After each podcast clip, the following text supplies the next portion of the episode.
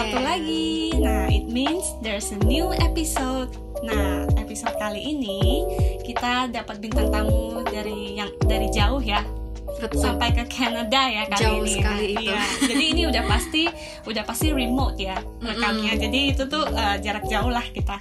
Oke, nah kita perkenalin uh, profil tamu kita hari ini, oke? Nah, beliau ini seorang uh, ex auditor kerjanya dulunya dan beliau merupakan member dari INLA International Nature Loving Association. Beliau merupakan uh, vegetarian mom, baru jadi mama dan beliau juga pernah atau masih kerja sebagai supervisor atau key holder and barista in Starbucks Canada. Wow, keren banget.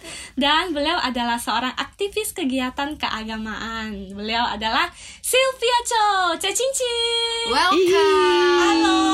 Halo. Ce. Halo. Wah, ini ini ini kita bikin janjinya aja agak ribet ya, soalnya beda Iya. 15 jam. Ah, nih, ya betul betul. Ya, ya, jadi betul, betul, jadi sekarang Cece di sana jam berapa, Ce? Sekarang jam 7 pagi hari Sabtu. Kalau- Ah, kalau kita sekarang hari Sabtu jam 10 malam. Oh, kita Yeah. lebih cepat ya berarti. Iya, kita lebih cepat. Iya, Kita kalian lebih cepat. 15 jam. Ah. Oke, wah excited banget nih. Berarti Cece baru bangun pagi ya? Iya suara gue ngebas kan. Oh. Iya sih, suara bangun tidur itu. Kayak Santa kan udah mau itu, udah mau Christmas. Oke. Di sini sih Oke, udah oke. mulai udah mulai sih Christmas Christmas gitu sih. Semuanya Iya, udah pada mulai aduh. ya. Pas Aduh, pas- enak banget ya. Pasti asik di sana Ah, deh. betul. Aduh, pengen ke sana. Aduh, amin. Boleh suatu boleh ya. boleh. Rasain Oke, dinginnya di sini. Mm-mm. Kita Oke. panggil Cece Cicing aja lah ya. Cece ya. Cece ya. Oke. Santai santai. Cece, Iya. Mm. Cece udah berapa lama stay di Kanada? Per hari ini sih kurang lebih udah tiga tahunan ya dari 2016. 2016. Oh. Iya iya iya udah tiga tahunan lebih lah. Oke, Mm-mm. oke, oke. Terus eh, alasan pindah ke Kanada itu kenapa, Cece? Cece kan asli Indonesia ya? Iya, kan dari Jakarta ya. Nah, alasan pindah ke Kanada boleh ceritakan nggak, Ce? Kenapa ya? Karena dari dulu selalu ada dream bahwa ini dream gue gila sih emang. Kalau gue emang pengen ke sebuah tempat yang orang-orang tuh nggak tahu gue tuh siapa gitu. Jadi gue Oh, oh my God. Gue tuh Oke. mungkin gue jiwa jiwa fighter kali ya. Jadi gue pengen ke satu tempat yang orang lain tuh nggak tahu gue tuh siapa gitu loh. Didn't know what is my background gitu loh.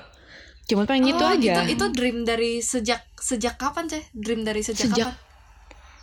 Kayak dari kecil deh, dari SD gitu. Oh, Kayaknya ya. dari kecil. Kenapa Ce bisa merasa kayak gitu, Ce? gue bukannya bilang jelek ya. Gue nggak ketemu my future in in in Jakarta. Gue nggak kelihatan future gue di Jakarta. Oh. even gue kerja kayak auditor ada karir gitu waktu dulu. Jadi kayaknya waktu itu kayak monoton gitu loh. Udah sampai enam tahun gue ngerasa kok gue gini-gini aja ya? Apa apa hidup gue bakal jadi auditor yang kayak bos gue seorang auditor sejati selama 30-40 tahun? Tapi kayaknya hati gue nggak ke sana gitu loh. Jadi gue kayaknya ya kayak gitu. Jadi ah ya gitu deh. Pas ketemu eh, pasangan yang jauh pula beda benua gitu. Hmm, Oh. Jadi LDR dong, Ce, waktu itu ya.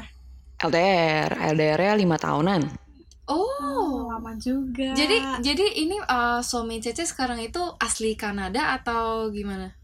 Canadian tapi dia keturunan Hong Kong Oh, Eh, keturunan darahnya darah tet- tetap darahnya darah Chinese tapi keluarga Asia negara ya, udah kan.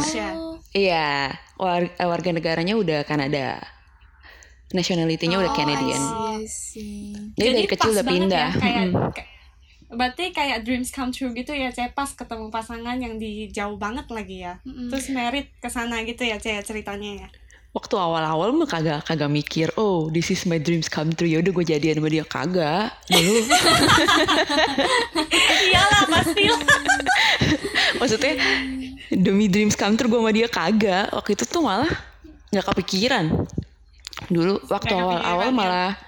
Malah kayak ngapain sih nih orang jauh banget terus kayak eh, kayak sh- culture shock gitu loh maksudnya beda budaya gitu loh kalau orang Kanada itu kayaknya tuh say hello, senyum, bukain pintu ke orang. Itu tuh itu tuh biasa gitu loh. Tanya, lu udah makan belum? Itu tuh biasa gitu loh. Tapi kalau di Indonesia yang culture-nya tiba-tiba cowok WhatsApp lu, lu udah makan belum? Itu kayaknya weird gitu loh.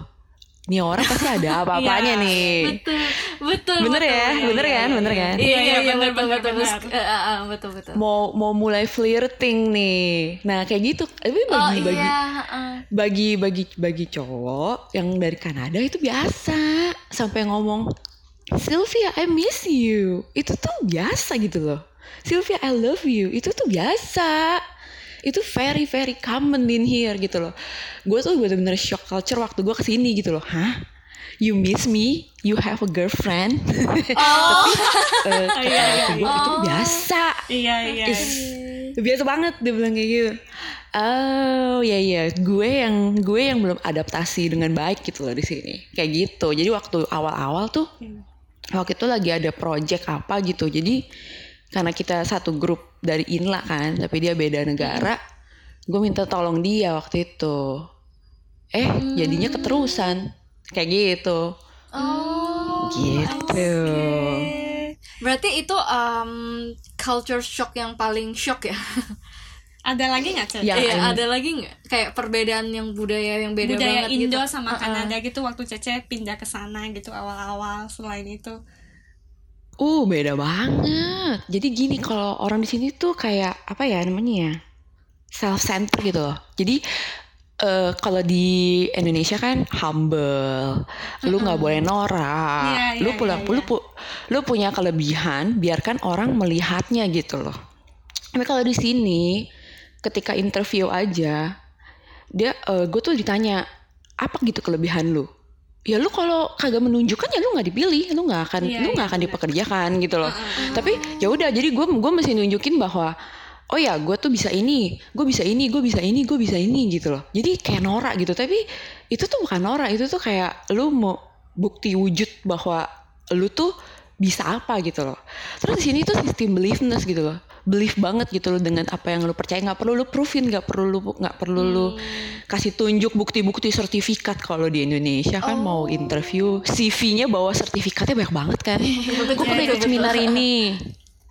Terus CV-nya tuh panjang gitu loh. Eh gue pernah ini pernah ini pernah kalau di sini CV-nya cuma selembar nggak boleh lebih dari dua lembar dibuang. Norak lu harus terus bagaimana lu ngomong terus eh biarpun bahasa Inggris gue waktu itu pelo-pelo pronunciationnya salah semua. Tapi tapi tapi dia bilang oh enggak enggak apa-apa enggak apa-apa. Gue ngerti bahasa Inggris lo dia ngomong kayak gitu. Berarti dia sangat appreciate ya, gila. that's iya.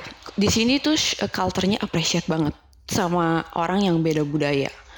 Even even lu nggak bisa bahasa Inggris itu tuh nggak boleh nggak boleh dibilang bahasa lu nggak bisa bahasa Inggris lu nggak boleh kerja di sini. Itu tuh namanya lu udah rasis gitu loh. Iya. Lu udah- benar-benar. itu nggak boleh. Iya iya iya. Nah, sama sekali nggak boleh.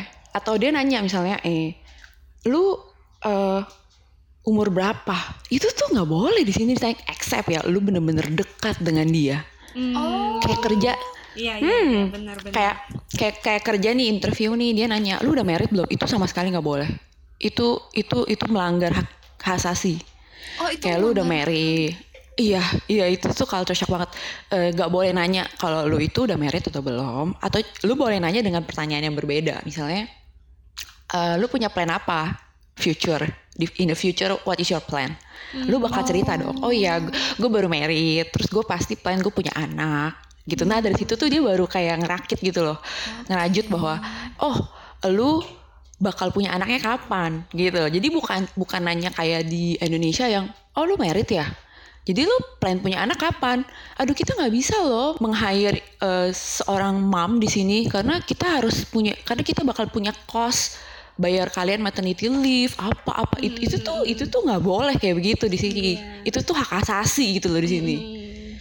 Setiap orang berhak mendapatkan pekerjaan eh, kesempatan pekerjaan yang sama setiap orang berhak mendapatkan perlakuan yang sama kayak gitu bahkan nanya nationality lu apa atau nanya eh lu di sini punya visa apa visitor visa kah, work visa kah, itu bahkan nggak boleh. Hmm. Itu bahkan nggak boleh. Makanya sistemnya tuh masih belief di sini bahwa gue tuh nggak bakal bohongin bos gue gitu. Hmm, Berarti agama di juga nggak boleh ditanyain ya? Aduh, agama udah nomor dua di sini.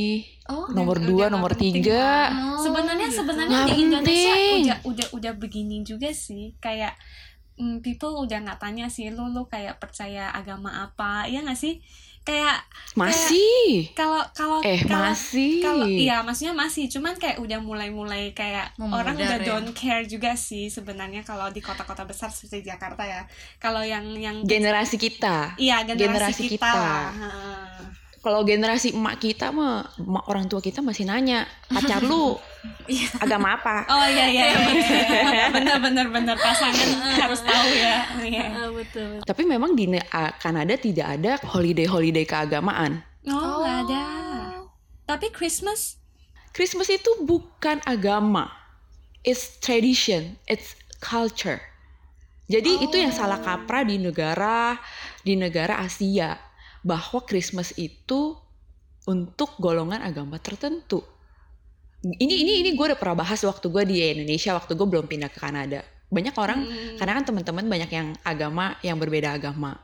Bahkan mereka tidak boleh mengucapkan Merry Christmas atau Happy New Year ke gue karena mereka beda agama. Kita nggak perlu sebut agamanya. Mungkin banyak yang tahu gitu loh. Iya, Tapi iya, waktu itu gue bilang it's already a tradition gitu loh. Iya, Bahkan gue iya, sebagai agama Buddhis, gue tuh masih ngerayain Christmas gitu loh. Karena Christmas itu menurut gue itu udah menjadi tradisi. Mm-mm. Di sini ya memang the whole Canada itu bener-bener ngerayain Christmas itu kayak ngerayain New Year gitu loh. Iya benar benar. Bahkan New Year di sini biasa.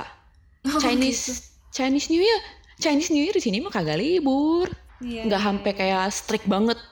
Tanggal satu itu harus kumpul. Iya, Nah, iya, itu iya, kan memang di bener. Asia kan. Karena libur. Iya iya iya iya. iya. Ce, Cece Hmm. bisa describe Canada nggak? Country-nya seperti apa di sana?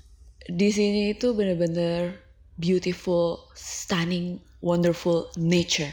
Lu kalau udah ke sini itu tuh bisa ngerasain kayak surga di bumi ya kalau kata-kata orang gitu. Bisa ngerasain tuh kayak gila.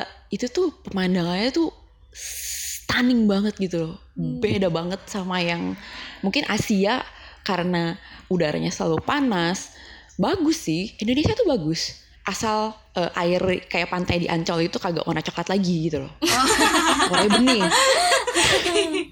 Iya iya iya iya. iya. Bener gak sih? Iya, iya, itu tuh iya. coklat, itu tuh coklat gara-gara manusia gitu loh. Iya pollution Nah, ya. Kalau pollution, kalau di sini itu eh, people masih aware dengan nggak boleh nggak boleh buang sampah sembarangan.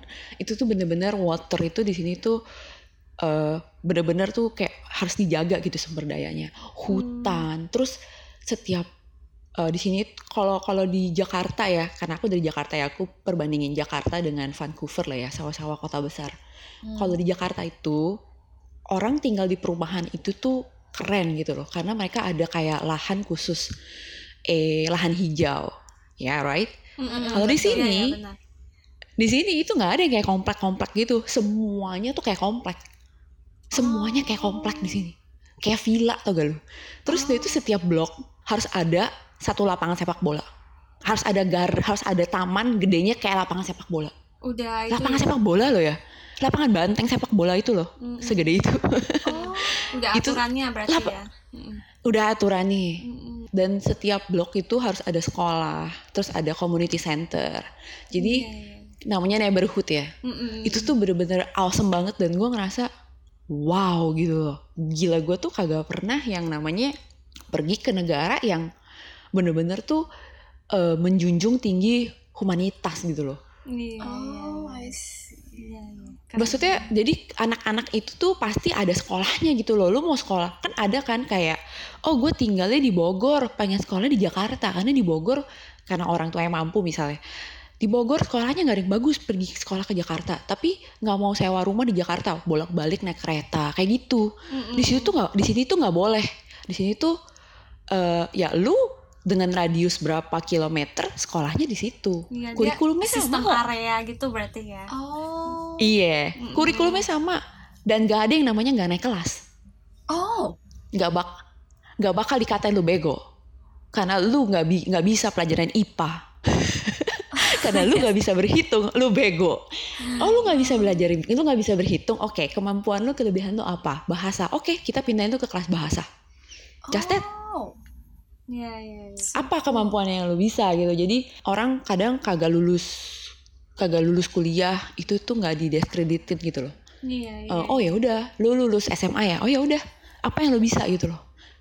Bahkan sampai kadang dia mau mempekerjakan di sini nggak ada yang namanya fresh graduate ya. Di sini tuh mau pekerjakan misalnya dengan um, high school gitu.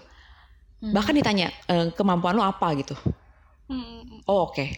Eh, you not meet my needs gitu loh hmm. tapi eh, one day kalau gue butuh gue bakal panggil lo. Jadi nggak nggak sampai di nggak sampai oh lu nggak punya ini ya? Aduh nggak bisa bahasa ini ya? Oh. Ya jadi kayak udah udah di udah dimiringkan gitu loh Iya, iya. kelebihannya. Tapi ada minusnya juga. Kalau dibandingin sama Indonesia lu buka toko gado-gado di depan rumah lu bisa hidup. Kalau di sini. No no no. Lu mau jualan orang bakal nanya lu punya food safe gak food safe itu tuh di Kanada tuh number one in the world loh. food safety kayak misalnya eh, nggak boleh buka penyajian makanan deket parit. Nah itu duta utama semuanya sebelah parit. Gimana dong? Benar. gue salah satu konsumen yang salah satu konsumen restoran yang di daerah Dutamas ya perut gue sih biasa aja tapi waktu bawa laki pulang ke Jakarta makan di restoran waduh mesti minum obat dia kayak itu plus minusnya Bakterinya beda ya dalam tubuh. Tapi ya. kalau misalnya sekarang Iya. suruh Cece makan eh, apa makanan yang di pinggiran yang di Dutamas itu bisa nggak Cece? masih mau gak Cek? masih mau sakit masih perut mau. tapi sakit Oh ya, perut tadi kan Cece bilang eh, Cece udah tiga tahun ya di situ ya. Tapi kayaknya bahasa Tiga Indonesia tahun. tuh masih lancar banget ya. Ya Itu lah, baru tiga tahun. tapi kan maksudnya di sana tuh ada teman Indonesia nggak sih? Iya, kayak bukan teman Indonesia. Ada, ada. Ada nggak sih teman baru di Kanada? Cek? Ah, gitu. loh. Terus Nggak kayak- hanya orang Indonesia Mm, lah. teman hangout gitu loh, iya. teman hangout lah. Yang kadang-kadang bisa ketemuan gitu loh, Cek. Temen ada temen laki dong temen dari suami Oh. Eh, temen temen wihara juga ada. Tap- eh, kalau temen yang ngomong bahasa Indonesia itu bisa dihitung pakai jari. Tapi Paling ada? ada. berapa ya? Ada, Oh. ada. Jadi semuanya itu memang dari Jakarta juga dia pindah ke sini karena memang istri dan anaknya di sini. Oh. Kebetulan waktu itu pindahnya beda bulan. Terus abis itu ada lagi yang eh, temen dari Makassar sama Sulawesi, Sulawesi bagian mana itu gue lupa. Jadi eh, menikah dan menetap di sini juga. Tapi memang jarang ketemu sih. Terus habis itu ada satu lagi eh dia sekolah di sini. Nah ini yang sering hangout sama dia. Oh. Tapi karena covid udah jarang hangout ya. Iya, Jadi iya, sering iya. hangout sama dia. Nah dia juga kalau ketemu sama gua udah deh kita ngerocos bahasa Indonesia akhirnya kita bisa ngomong bahasa Indonesia bibir kita tidak ngomong bahasa Inggris Iya, iya, iya. Ah, Oke. Oke, oke. Makanan vegetarian di sana gimana, Cece? Cece maksudnya waktu pindah ke sana itu bisa adaptasi nggak soal makanan di sana gitu loh? Dan makanan Indo yang paling Cece kangenin itu apa? Gua tuh dari dulu soal food itu apalagi semenjak jadi vegetarian dulu tuh gue meat lover ya bakso itu tuh bener-bener demen. Mm-mm. tapi semenjak jadi vegetarian gue cincai orangnya biasa aja gitu loh. Tapi gue kaget sih di sini tuh porsinya gede banget. Di sini tuh mah harganya mahal ya misalnya nasi goreng nih. Di Jakarta paling dua puluh ribu ya. Mm-mm. itu tuh porsinya kecil kalau menurut gue sekarang ya porsinya kecil. Di sini eh, nasi goreng vegetarian ya itu bisa 13 dolar itu 130 ribu. Itu tuh bisa makan berlima tapi sekarang Oh. bisa gue habisin sendiri Berlima. Berlima sih kayaknya lebay banget. Berlima. serius gede banget itu itu di sini tuh porsinya gede-gede size-nya very very jumbo pokoknya tuh kayak snack-snack kayak coklat lah terus kayak keripik-keripik itu tuh nggak ada yang ukuran kayak Indonesia yang kecil gitu dulu pas kali gue datang ke sini itu gue kaget banget gede banget tapi sekarang gue bisa makan itu sendirian gitu loh Udah terbiasa ya. Iya, iya, iya. terus makanan makanan yang paling gue kepengen itu banyak sih martabak pempek Oh, tempe, mie tempe, tempe, tempe di sana ada kan, Ce? Pempek atau tempe? Oh, Bukan pempek. Pempek. Oke, oke, oke. pempek Pempek Oh, Palembang. oke. Iya, iya, iya, iya, iya. Iya. Oh, oke, oke, Terus oke. eh, apalagi ya? Banyak lah makanan-makanan di Indonesia yang di sini nggak didapet. Tapi ya bokot lah. Mau bikin pun herbsnya di sini nggak ada gitu loh. Bahan-bahannya tuh Oh. jarang, mahal. Terus eh, rasanya tuh emang beda. Di situ ada tempe nggak sih? Ada di sini ada toko Indonesia yang menjual barang-barang Indonesia. Oh. Jadi gue beli dari situ. Tempenya Tapi mahal nggak? mahal tempe. mahal. Berapa tuh? Berapa ukuran ukuran 5 cm kali 7 cm kali 1 cm itu harga 1,5 dolar plus pajak 12 jadi kurang lebih harganya 20 ribu ya nah lu kalau di Jakarta 20 ribu makan tempe bisa sampai bisa sampai boker eh tempe lagi kayaknya Iya iya iya. iya. Benar-benar.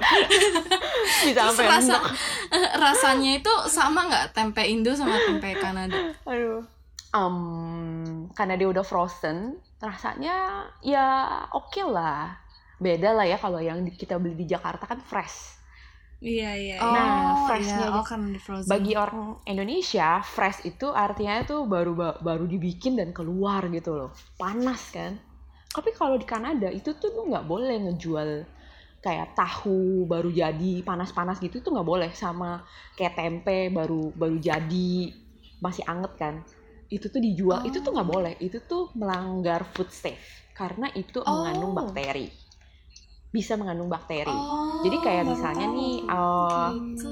gue juga baru tahu karena karena kerja di perusahaan Starbucks itulah. Jadi gue eh, belajar food safe dan oh ternyata tuh tidak boleh menyajikan makanan siap saji makanan siap saji tau kan ya misalnya Hmm. eh kayak kantin-kantin gitu loh makanan siap saji itu tuh misalnya Mm-mm. sayur udah dimasak nih dari jam 6 pagi atau jam 4 pagi udah masak terus eh, ditaruh di situ sampai habis gitu kan mulai buka boleh toko ya jam berarti ya? 7 itu nggak boleh dari jam dari jam 4 udah mulai masak sampai jam 7 itu itu tuh udah dua jam kan itu tuh udah masa inkubasinya bakteri Mm-mm, kayak gitu. mm-mm. Gue baru tahu. Gue bilang wadadaw gue bilang gila di Jakarta itu semua bakteri jadi perut kita tuh bakteri semua ya dalam hati gue kayak gitu bener-bener Oh, deh gitu. itu Indonesia tuh bener-bener ngelanggar food safe banget deh tapi ya survive survive aja penduduk Iya, Indonesia some- malah makin somehow- banyak somehow- Somehow we are Bahkan, healthy gitu bahkan loh. banyak yang panjang umur coy.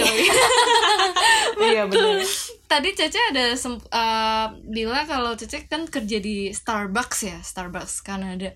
Iya, hmm, hmm, Itu hmm. bagaimana ceritanya kok bisa maksudnya kenapa bisa kerja di Starbucks gitu? Iya, kenapa Cece pilih Starbucks? Starbucks out Iya. of Wah, all ceritanya panjang nih. occupation di situ. Ah, boleh boleh boleh cerita sih. We have Um, time. we, Jadi- we all have Oh time. ya, oke oke. Jadi dari dulu, dari dulu gue itu emang pecinta Starbucks. Oh. Iya. Jadi dari dari di Jakarta pun gue pecinta Starbucks, pecinta kopi. Tapi gue Hmm. sakit mah. Hmm, Oke. Gue tuh punya mah akut. Tapi eh, untuk kopi gue selalu ada space dan selalu ada yang namanya bisa nahan sakit lah untuk kopi gitu loh. Terus ketika gue pindah ke Kanada, itu tuh gue emang life challenge banget gitu loh. Dan gue memulainya di usia udah 30 gitu loh. Karena gue married dan pindah ke sini.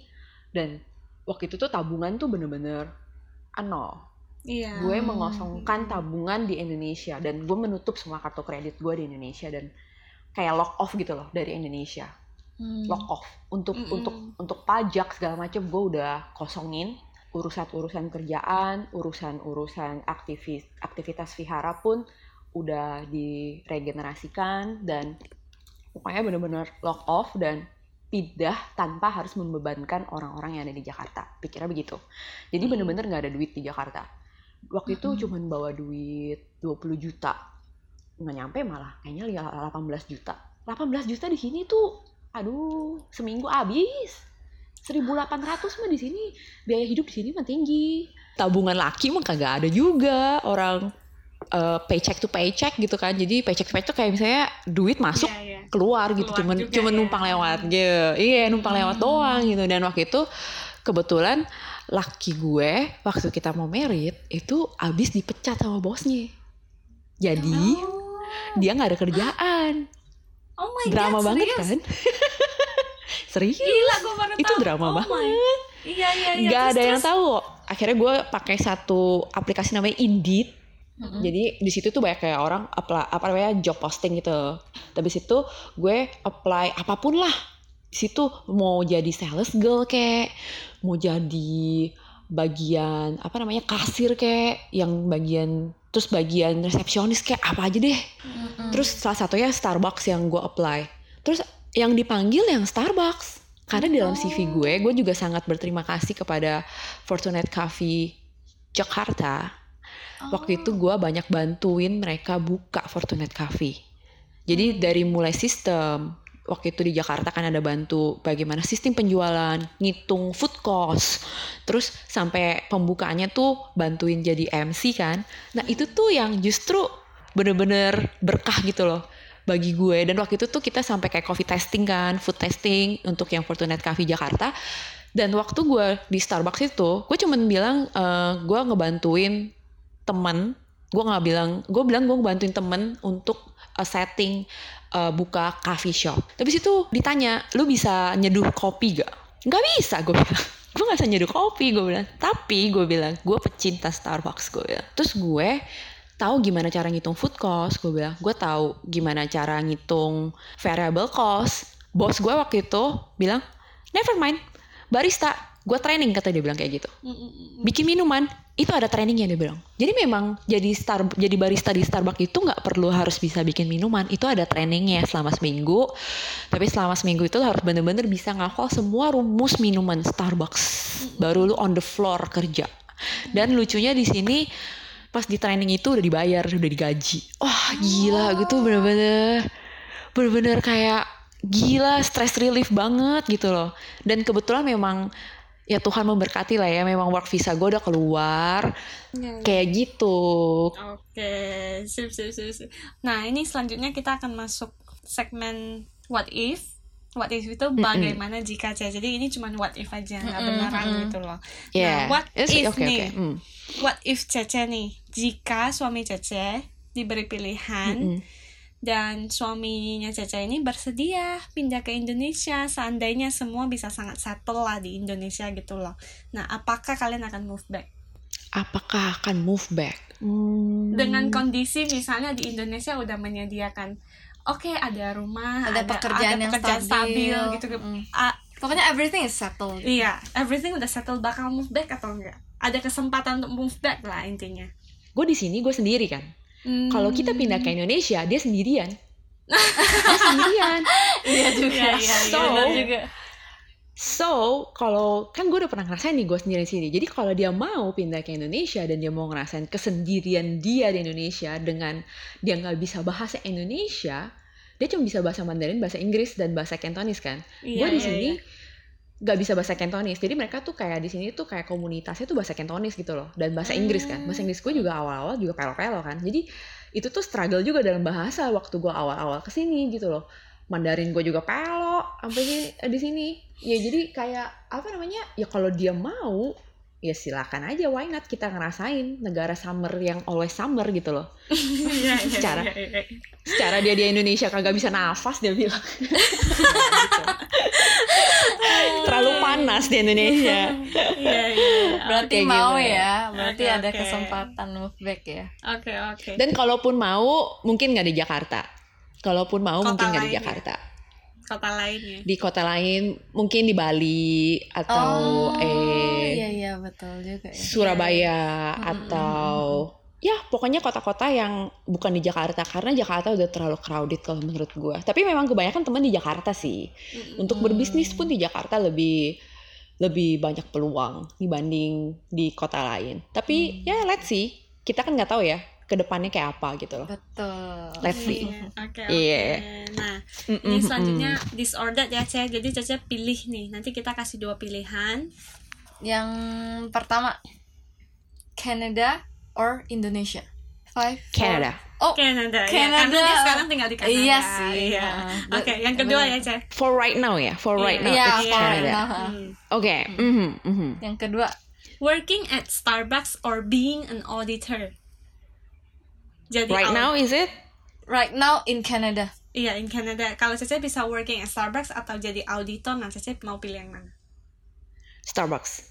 Starbucks tetap Wah, Starbucks ya tetap Starbucks ya Oke, oke, oke. Mau tahu aku- mau tahu nggak kenapa? kenapa Kenapa, kenapa, Cek? Karena Starbucks itu kayak passion sih.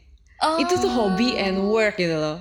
Gajinya nggak ada terlalu gede Starbucks. Tapi untuk dibandingin sama Indonesia, memang gaji lumayan. Cuman kalau untuk dibandingin dengan basic salary di sini itu tuh masih basic salary banget. Kayak UMR Cuman gitu se- ya di sana ya? Iya, iya. Tapi ya jangan di ngomong lah ju- eh, angkanya nanti bak- orang Indonesia bakal ngerasa itu mah udah gede banget gitu. Tapi Iya, kalau di iya, sini mah dengan basic salary begitu mah sebentar juga habis gitu loh. Terus Iya. kalau being an auditor di sini eh, sebenarnya juga gue jadi accounting auditor itu bukan passion, tapi karena terpaksa. Karena terpaksa Oh. waktu itu. Passionku sebenarnya jadi dokter, cuman memang eh, adik-adik masih harus kuliah dan eh duit untuk ku- kuliah dokter nggak nggak nggak nggak kecil jadi mau nggak mau ambil accounting jadi itu memang bukan passion accounting kayak gitu Hmm, Oke, sip, sip, sip, sip. iya Oke, thank you Cacing waktunya. Thank you very Thank much, you. Caci. Walaupun saya belum pernah Iya. ketemu. Iya, oke, oke thank you See you next time. Bye. see you see you bye Oke. Oke, seperti biasa kita akan mengakhiri sesi ini dengan quotes of the day dan quotes of the day hari ini adalah And suddenly you know it's time to start something new and trust the magic of beginnings. Dan seketika kamu menyadari inilah saatnya memulai lembaran baru dan yakin akan keajaiban dari sebuah permulaan. By Meister Eckhart. Okay, thank you guys for listening till the end. If you enjoyed this podcast, make sure you hit the follow button and stay tuned to the next episode. Goodbye. Goodbye.